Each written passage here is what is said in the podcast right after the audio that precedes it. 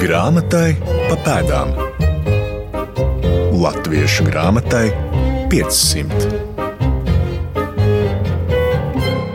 Jānis Reiters, viens no nedaudzajiem 17. gadsimta latviešu tautības mācītājiem, studējis Tērbatas Universitātē, tulkojis dažas Bībeles daļas. Līdz mūsdienām saglabājies vecās un jaunās derības fragmentu tulkojuma paraugs un tēvreiz krājums 40 valodās. Reiters bijis izcils un neparasts cilvēks savam laikam, bieži nonācis konfliktos ar vidzemes vācu mužniekiem un mācītājiem, un ik pa laikam aktualizējas jautājums, kā labi Reiteram neusticēja Bībeles tulkošanu. Tas interesē arī mūs, sekojot grāmatu vēstures gaitai. Mans vārds Laima Slava, un kopā ar zinošiem pētniekiem un valodniekiem iedziļināsimies Jāņa Reitera personībā un tulkojumos. Izmantošu arī kultūra vēsturnieka un valodnieka Konstantīna Karuļa 1986. gadā izdoto grāmatu Jānis Reiters un viņa tulkojums. Grāmatai pa pēdām. Ziņas par Jāņa Reitara bērnību ir trūcīgas. Vēsturnieks Jānis Straubergs, salīdzinot arhīvu materiālus un Reitara vēstules, secinājis, ka Jānis ir Rīgas namdara Indriķa jātnieka dēls, kurš bija turīgs un spējīgs nodrošināt dēlam izglītību Rīgas domskolā, pēc tam Tērbatas universitātē. Sazinos ar filoloģijas doktori Ernestu Kazakenaiti. Viņa ir pasniedzēja Viņas Universitātē, aizstāvējusi doktora disertāciju par Ernsta Glīka Bībeles tulkojumu īpatnībām un pētījusi saistību ar iepriekšējiem tulkojumiem. Bet pirms analizējam Reitera tulkojumus, Ernesta iezīmēja luterāņu mācītāju raibo pat dēkaino dzīvi. Diemžēl par Jāni Reiteru mēs zinām ne jau tik daudz, jo pat nezinām, kurā gadā viņš precīzi ir dzimis, lai gan pieņemts teikt, ka viņš ir dzimis ap 1632. gadu Rīgā, bet tas ir izcecināts no viņa iestāšanās Tērbatas universitātē gada, kas bija 1600. 50. gadā, un arī pat nezinām, kurā gadā precīzi ir miris. Domājams, vai nu 1687. vai 89. gadā. Un uh, Reiters pēc tam, kad pabeidza Tērbatas universitāti, viņš strādāja par mācītāju un uh, tad sācis darbu Raunā. Diemžēl viņš sastridējās, un to konfliktu dēļ viņš pat zaudēja mācītāju tiesības. Un eh, pēc tam, kad zaudēja, viņš pat eh, pārgāja katoļu ticībā, un eh, līdz ar to ceļoja ļoti daudz, jo viņu mēs redzam gan Braunsbergā, gan Vīnē, arī Romā, pat viņš ir strādājis par profesoru Viļņā, pēc tam vēl Krakovā un vēl Francijā ir bijis. Tātad tiešām daudz ceļojus un pēc tam pat tika imatrikulēts Rostokas universitātē tieši 1675. gadā. Bet pēc tam apmēram laikam ap to laiku viņš atkal atjaunoja savas luterāņu mācītāju tiesības un sāk strādāt koknēsē. Vēl ir viens tāds ļoti interesants fakts, ka 1677. gadā viņš ir apsūdzēts Rīgas dedzināšanā. Tātad tiešām tāds interesants uh, fakts un domāju, ka Reiters ir vai nu filmas vai romāna vērta personība noteikti, jo to faktu ir vēl, vēl vairāk. Arī Ernesta piemin Konstantīna Karuļa grāmatu, no kuras var smelties daudz ziņu par Reitera dzīvi. Latvijas Universitātes un Stokholmas Universitātes profesoram, latviešu valodas vēstures pētniekam Pēterim Vanagam jautāju, ko mēs zinām par šo Jānu Reiteru, cik daudz varam uzticēties rakstītajiem avotiem. Nu, uzticēties noteikti varam. Vienlaikus daudz ko mēs arī nezinām. Mums ir faktiski visai daudz ziņu, salīdzinājumā varbūt ar dažiem, kaut vai piemēram ar jau iepriekš aplūkoto Kristofu Fīrekeru Mums ir daudz pieturspunktu viņa biogrāfijā, gan kur viņš ir dzimis, gan kur viņš ir kalpojis, gan viņa liktenis, kāds tas ir bijis. Bet vienlaikus arī daudzas lietas paliek nezināmas, ņemot vērā viņa tādu ļoti raibo dzīvi salīdzinājumā ar daudziem citiem tā laika personāžiem. Nu jā, zudībā, diemžēl, ir gājuši viņa paša rokraksti. Tie ir sadeguši ugunsgrēkā Rīgā, kurā viņš tika pat vainots, jā, un pēc tam attaisnots. Tomēr ir dažādi dokumenti, liecības, tā kā ir bijušas arī tiesas prāvas ar viņu iesaistīšanos, kur viņš ir apsūdzēts par ķecerībām, par, par nesakošanu baznīcas autoritātēm. Un, un arī dažādas citādas tā, tā laika um, dokumentālas liecības, kurās viņš ir uh, pieminēts.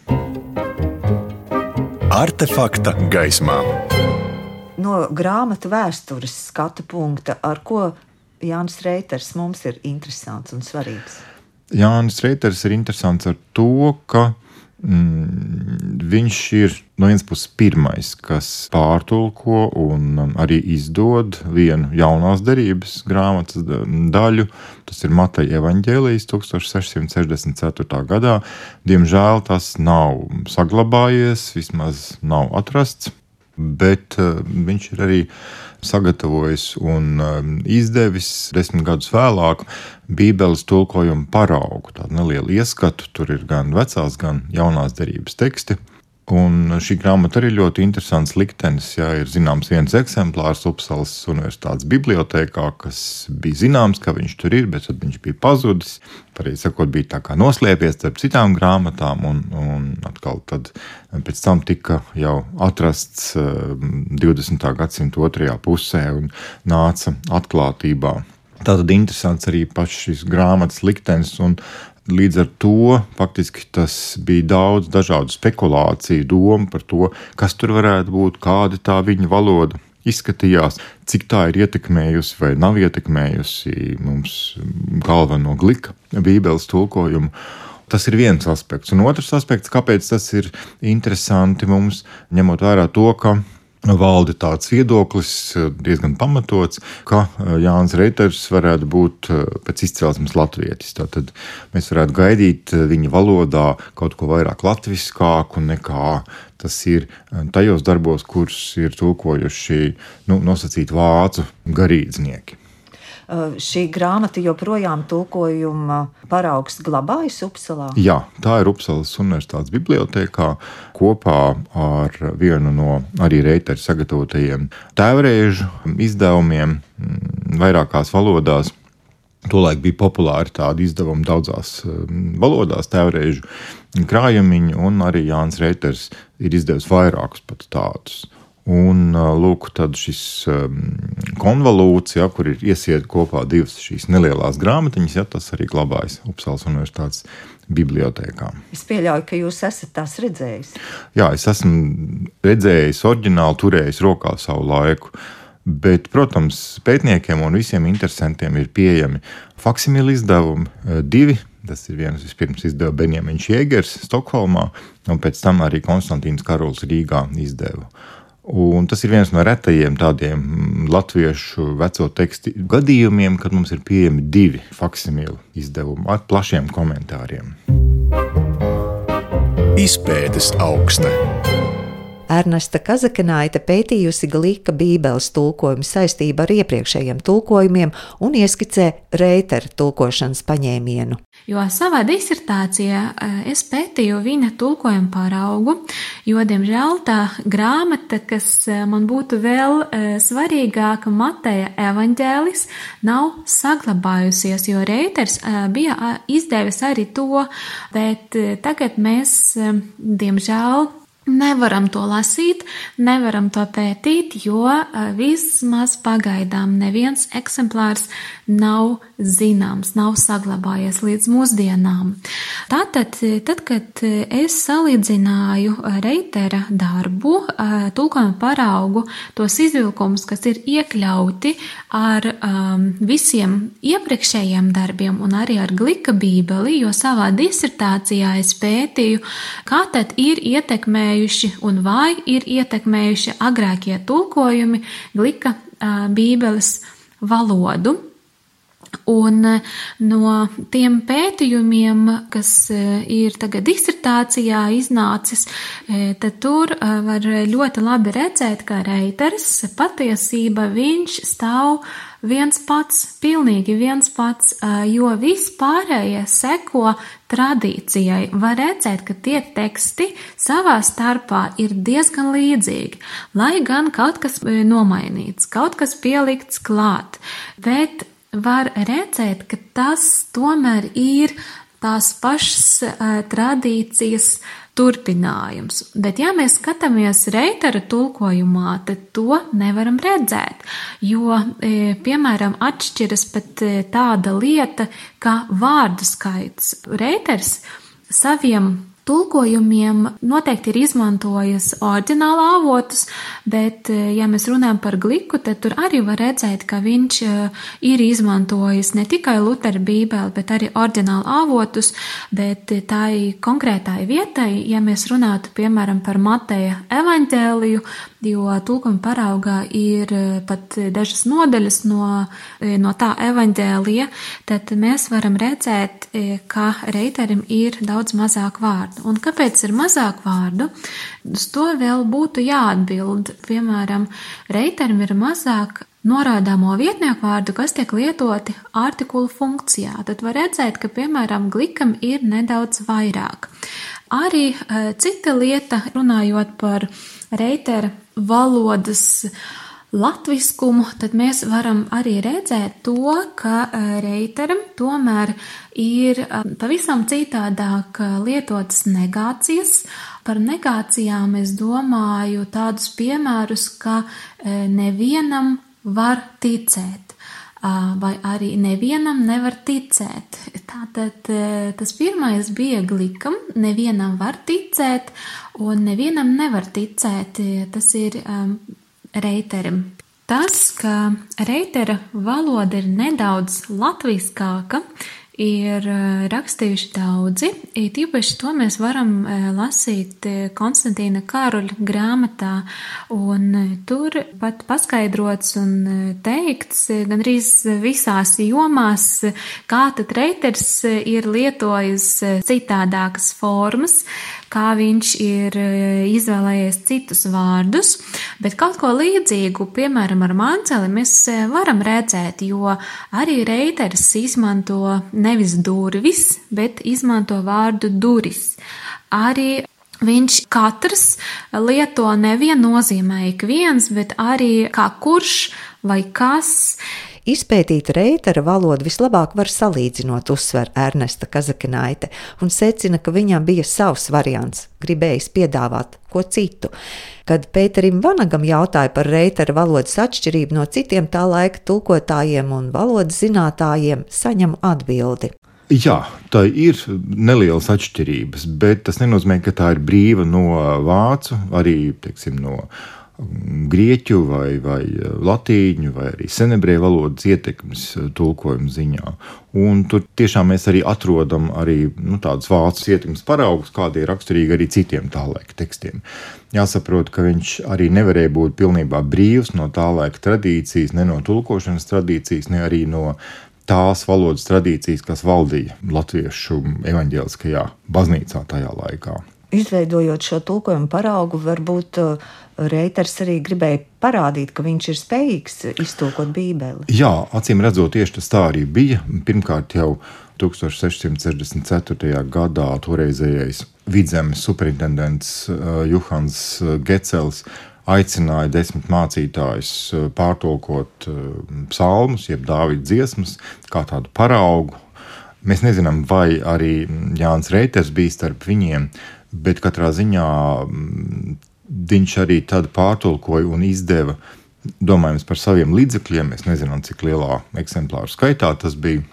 Ja šodien mums ir vienkārši mēs uzrakstām datorā un izprintējam vienu, divus, trīs eksemplārus, Toreiz tādas iespējas nebija, bet varēja to izdarīt arī par saviem līdzekļiem, nodrukāt nelielā eksemplāru skaitā. Šo paraugu, kas bija domāts arī kā apliecinājums, ka viņš lūk, pārtulkot, ir spējīgs pārtulkot. Un tieši tāpat neapšaubām, un tas arī ir grāmatiņas ievadā redzams, ka mm, ar šādu nolūku parādīt spēju tulkot un arī tulkot no oriģināla valodām ir izdots šis tulkojuma paraugs, kas ietver tātad gan vecās mm, derības, gan jaunās derības fragmentus.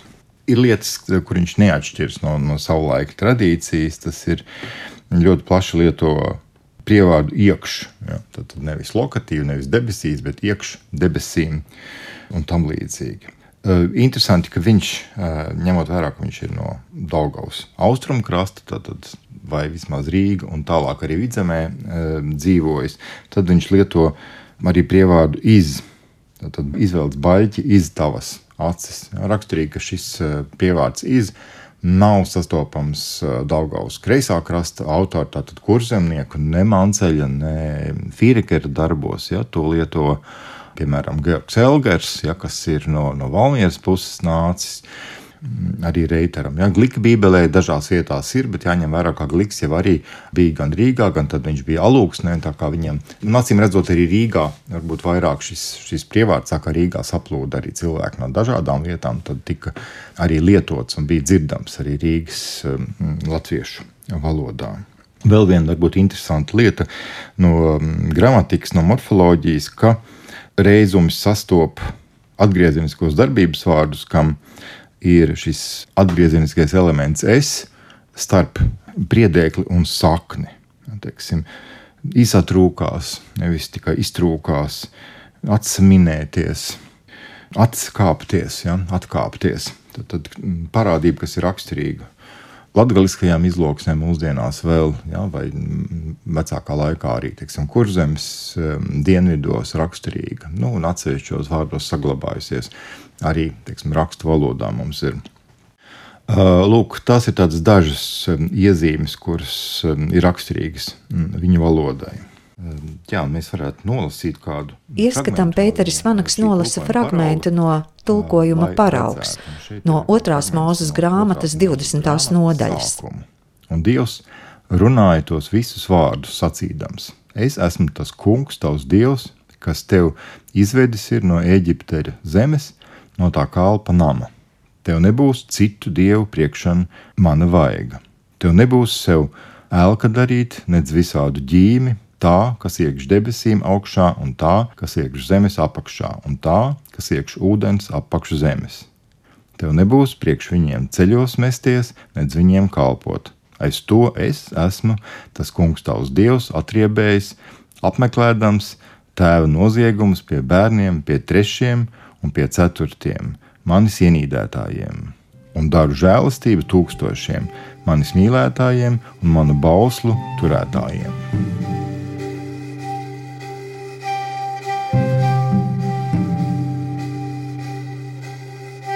Šī grāmata, kas arī mums ļaus šodien lasīt šos tekstus, ir Konstantīna Karuļa. Jānis Reiters un viņa tulkojums. Kā jūs raugāties, jo šajā grāmatā ir arī diezgan sīki detalizēti skatīt arī valodniecības tēmas. Jā, Konstantīns Karulis bija mm, gan publicists, gan valodnieks. Viņš ir diezgan daudz darbojies ar vecajiem tekstiem, un šis bija arī viens no tāds viņa varētu teikt, vislielākajiem devumiem, ka viņš sagatavoja un padarīja pieejamu uh, latviešu lasītājiem šeit, Latvijā, uh, grāmatu ar Jāņa Reitera tulkojumu un arī visu šo aprakstu. Neapšaubām tas arī ietekmēja šīs personas nu, popularitāti, un tieši tāpēc jau arī varēja tai personai pievērsties ne tikai valodnieki, bet arī, arī teiksim, literāti, jā, radot arī citus darbus, kā arī Geikina Lūga par Jānu Rēteru. Tieši ar šo grāmatu tas tika popularizēts. Arī Geikina sarakstīto lūgu reizi dzīvoja kāds jātnieks 1988. gadā Nacionālajā tolaika akadēmiskajā drāmas teātrī iestudēja Mihails Kublīnskis. Galveno lomu Johannesu Reiteru atveidoja Jānis Reinis. Interesanti, ka šī loma minēta starp aktieru nozīmīgākajām. Savukārt kritiķi, vērtējot iestudējumu, saskatīja gan saskarsmes punktus ar nacionālās atmodas laiku, ar aktuālu laikmetu jautājumu iztirzāšanu, gan pārmeta āršķirīgus un smagnējus skatuviskās izteiksmes līdzekļus. Ieskatām dialogs no izrādes. Reiters Jānis Rēnis un Reitera sieva Ines Čirsone. Tai dienā, kad Jānim Jātniekam domskolā lika pārakstīties par Johannesu Reiteru, pazuda viņa piederība savai tautai. Ja reformācija atnesa gara brīvību, tad kā viens brīvs gars drīkst iznīcināt otru brīvu garu? Labi, tad, tad zemniekus aizstāvēt es nedrīkstu, tā tu domā. Labi, lai tums nelikumīgi paaugstina kunga tiesu, neraugoties uz to, ka nabaga Kasparam vai Miķelim zemes likta bez pļavām, upe izgrauž laukus. Vai arī kauķēnu ancis nodot mužai pienākošos apiņus, pārpalikumu pārdot, taču mužkungs prasa nodokli arī no tā. Un tam, no kura pienākas tikai īstinieks, viņš bieži prasa arī otrnieku un turklāt vēl ar zirgu. Bet bagātais, ģērtrūt bagātais, kurš Leitnantam slepeni atved podu sviestu vai kādu medījumu, tiek vieglāk cauri nekā nabagais, kuram bieži pat nav putras uz galda, ko likt. Un kur nu vēl septīto dienu klaušas, kad visus darbus pats debesu tēvs aizliedzis, un par zvērīgām pēršanas reizēm es nemaz vēl nerunāju. Jāni, bet vai tiešām tu gribi labot cilvēka dabu? Es gribu, lai viss būtu pēc likuma. Taču gadās, ka arī likums ir jāpārskata. Tev, mīļais, Vajadzēja izvēlēties jurisprudenci, ne teoloģiju. Bet, Gertrūda, teoloģija jau ir dieva jurisprudence. Vai tad zemnieki un mužnieki pēc Kristus nav vienlīdzīgi? Ja sanīdīsimies ar visiem, kas apkārt, mums nebūs maizes, ko bērniem dot.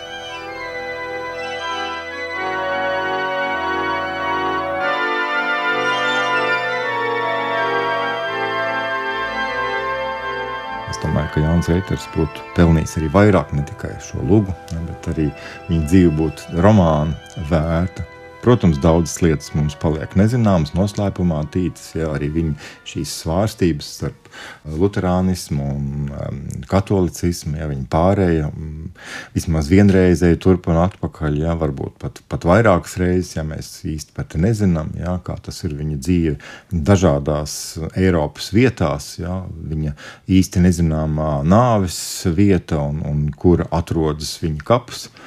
Te literātam būtu ko darīt, ko iztēloties un um, aprakstīt. Ja? Ļaut vaļu fantāzijai. Man šķita interesants arī tas posms, kurā viņš satiek gliku. Tā, tā ir Hamburga. Uh, jā, tas uh, tā varētu būt. Jā, Hamburgā. Kur gliks ieradies, lai spodrinātu savas uh, zināšanas valodās, tad uh, tur viņš arī sastopa reiteru. Vismaz tā var spriest. Uh, jā, tāda um, hipotēze, tāda doma pastāv, un ir, protams, bijuši pat minējumi vai apgalvojumi hipotēzes, ka um, reiters būtu, varētu būt bijis kā latviešu valodas skolotājs arī glikam, jā, vai vismaz kāds padomdevējs. Vai tas tā ir, vai tas tā nav, to gan mēs tā nezinām. Pats gliks savukārt īpaši neapraksta to savus nopelnus cenšas nedalīt ne ar vienu citu. Grāmatai pa pēdām. Vēl urķīgais un neērtais jautājums, kāpēc Bībele nav tulkojis reiters? Tas milzīgais jautājums ir, kāpēc tieši gliks ir tulkojis Bībeli, kas nebija no eh, Livonijas, kas tomēr iebrauca tajā, un kāpēc eh, Bībeli nav tulkojis, piemēram, Reiters. Un pat tas tulkojuma paraugs, kas izdos 1675. gadā, daži domā, ka tas arī bija tāds mājiens, kā viņš var tulkot Bībeli, bet laikam viņam nav uzticējuši to darīt, tāpēc, ka viņš bija tāda eh, ļoti spilgta personība. Varbūt noteikti mēs nezinām, bet tas, ko mēs eh, varam secināt pēc eh, dažiem ierakstiem dokumentos par to apsūdzēšanu Rīgas decināšanā, par to, ka viņš ir pārgājis katoļu ticībā, pēc tam jau atpakaļ luterāņu mācītājs, tad viņš tā tiešām ne jau ļoti mierīgi nodzīvoja savu dzīvi, bet viņam bija viskaut kādi aicinājumi, izaicinājumi, un varbūt tāpēc viņš netika ievēlēts Bībeles tulkošanā, bet noteikti mēs to nezinām, kāpēc tieši Gliks, kāpēc nav tulkojis Reiters, jo viņš ir piedāvājis savu variantu Bībeles tulkošanā. Atgādināšu arī kultūra vēsturnieka Jāņa Poļa viedokli, ko viņš pauda raidījumā par Ernstu Gliku. Dīvaini ir tas, Kāpēc Bībeles tulkojumu neuzticēja perfektākiem latviešu valodas zinātājiem, tad Latvijam Jānis Reiteram, neapšaubām Latvijam, ja? un arī šim Kristapam Fīrikeram. Bet manā jautājumā ir atbilde.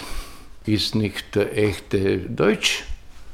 Un kā nu gan tas izskatīsies, ka mēs lielā kultūras nesēji tik daudz gadsimtos neesam atnesuši to tulkojumu, tā nabaga bauru tautiņai. Ja? Un kā tā ir izskatīsies, ka ka latvieši paši rētera personā pasniegts bija savai tautai, vai arī ļoti latviskais vācietis Vīrikers. Jā. Tas nav rīktīgi. Līdz ar to mums vajadzēja kādu nevainīgāku kadru no politiski reliģiskā viedokļa. Jānis Reiters neietilpa galvenajā strāvā. Viņš ir kā tāds atzars 17. gadsimta latviešu kultūras, latviešu valodas, latviešu rakstu vēsturē. Viņš gāja savu ceļu, mēģināja savā izpratnē veidot gan latviešu rakstību, gan latviešu rakstu valodu, arī Bībeles tulkojumu, un tas netika akceptēts baznīcā kopumā, vienalga kādu iemeslu pēc. Reitera tulkojumi ir tikai kā tādi paraugi, kā rokraksti iespiestā veidā. Tie neatstāja iespaidu, uzsver Pēters Vanaks un sniedz kopskatu par šo laiku. Svarīgā grāmatzīme. Ja mēs skatāmies uz vēsturi un kādu procesu, tad mums jau ir jāaplūko ne tikai tas, kas uzvar, kas nostiprinās, bet arī tie visi blakus strāvojumi, kas ir tajā laikā, lai mēs īsti saprastu, kā notiek šis process un kāpēc viens vai otrs virziens, viena vai otra ideja realizējas un kāpēc citi nerealizējas. Un vai tai ir kādi objektīvi vai tīri subjektīvi pamatojumi. Un katrā ziņā neapšaubām viss šis laiks, šis 17. gadsimta otra puse, varbūt pat viss, mēs teiktu, zviedru laiks, plašāk, ja sākot jau no gadsimta pirmās puses līdz pat uh, Ziemeļu karam ir tāds ārkārtīgi aktīvs periods latviešu rakstu valodas vēsturē, kad ir ārkārtīgi liela domu dažādība, ir mēģinājumi no pirmiem rakstiem aiziet un atrast un izveidot stabilu um, rakstību, stabilu latviešu rakstu valodu, kas pilnībā atbilstu tām prasībām un tām vajadzībām, kam tā tika lietot. Pirmkārt, jau baznīcā, gan no kanceles lasot, gan tālāk arī, kad lasīt pakāpeniski apguva arī paši latvieši. Un tas process arī tā gāja līdz tam 17. gadsimta beigām, kur mēs varam šos 1685. gadu pielikt kā tādu pagrieziena punktu, kurā tad iznāk vairākas nozīmīgas grāmatas, kā Glika Bībele, kā Kurzemes rokas grāmatas jaunais izdevums, arī Adolfija gramatika ar fīrika ar materiāliem, kuros nostiprinās un kas dod šo pamatu tai teiksim, tā, jaunajai, vecajai rakstībai, šai stabilajai, vecajai rakstībai, kas tad ar nelieliem uzlabojumiem vēl 18. gadsimta sākumā kalpo līdz faktiski 19. gadsimta otrajai pusē, vairāk kā simts gadiem. Ja? Tad, šis process, kurā izveidojas tā rakstu valoda un nostabilizējās, kas tad būtībā apmierina tā laika prasības. Vēl tikai pajautāšu, vai tā ir spekulācija, ja uzskata, ka, ja Bībeli būtu tulkojis Reiters, ka uh, latviešu rakstu valoda būtu citāda. Noteikti, noteikti neapšaubāmi. Protams, mēs nevaram teikt, es neteiktu, ka tā būtu latviskāka, bet citāda pavisam noteikti. Jo tas, ka Bībele ir atstāja iespaidu uz visu latviešu valodu, uz latviešu kultūru, kas, um, zinām, gan Bībeles citāti, gan arī dažādi izteicieni, kas nāk no Bībeles, ja, kas ir iegājuši latviešu valodā. Tas neapšaubām būtu vienkārši citādi. Tā noslēdzam raidījumu par tulkotāju un mācītāju Jānu Reiteru, par spilgtu 17. gadsimta personību, kurš bija spējīgs tulkot Bībeli latviešu valodā, to pierādot vairāk kārt, gan tulkojot Mateja evaņģēliju, gan 1675. gadā publicējot savu paraugu tulkojumu. Zināšanās par Jānu Reiteru šodien dalījās Ernesta Kazakenaite, Pēteris Vanaks un Jānis Polis, par ko viņiem saku lielu paldies. Arī šī raidījuma padomdevējs Latvijas Nacionālā bibliotēka, producente Santa Lauga, bet par skanējumu rūpējās Nora Mitspapa. Ar jums sarunājos es, Laima Slava bet pēc nedēļas par Zviedru laika likumiem Latvijas teritorijā 17. gadsimtā. Grāmatai pa pēdām. Latviešu grāmatai 500.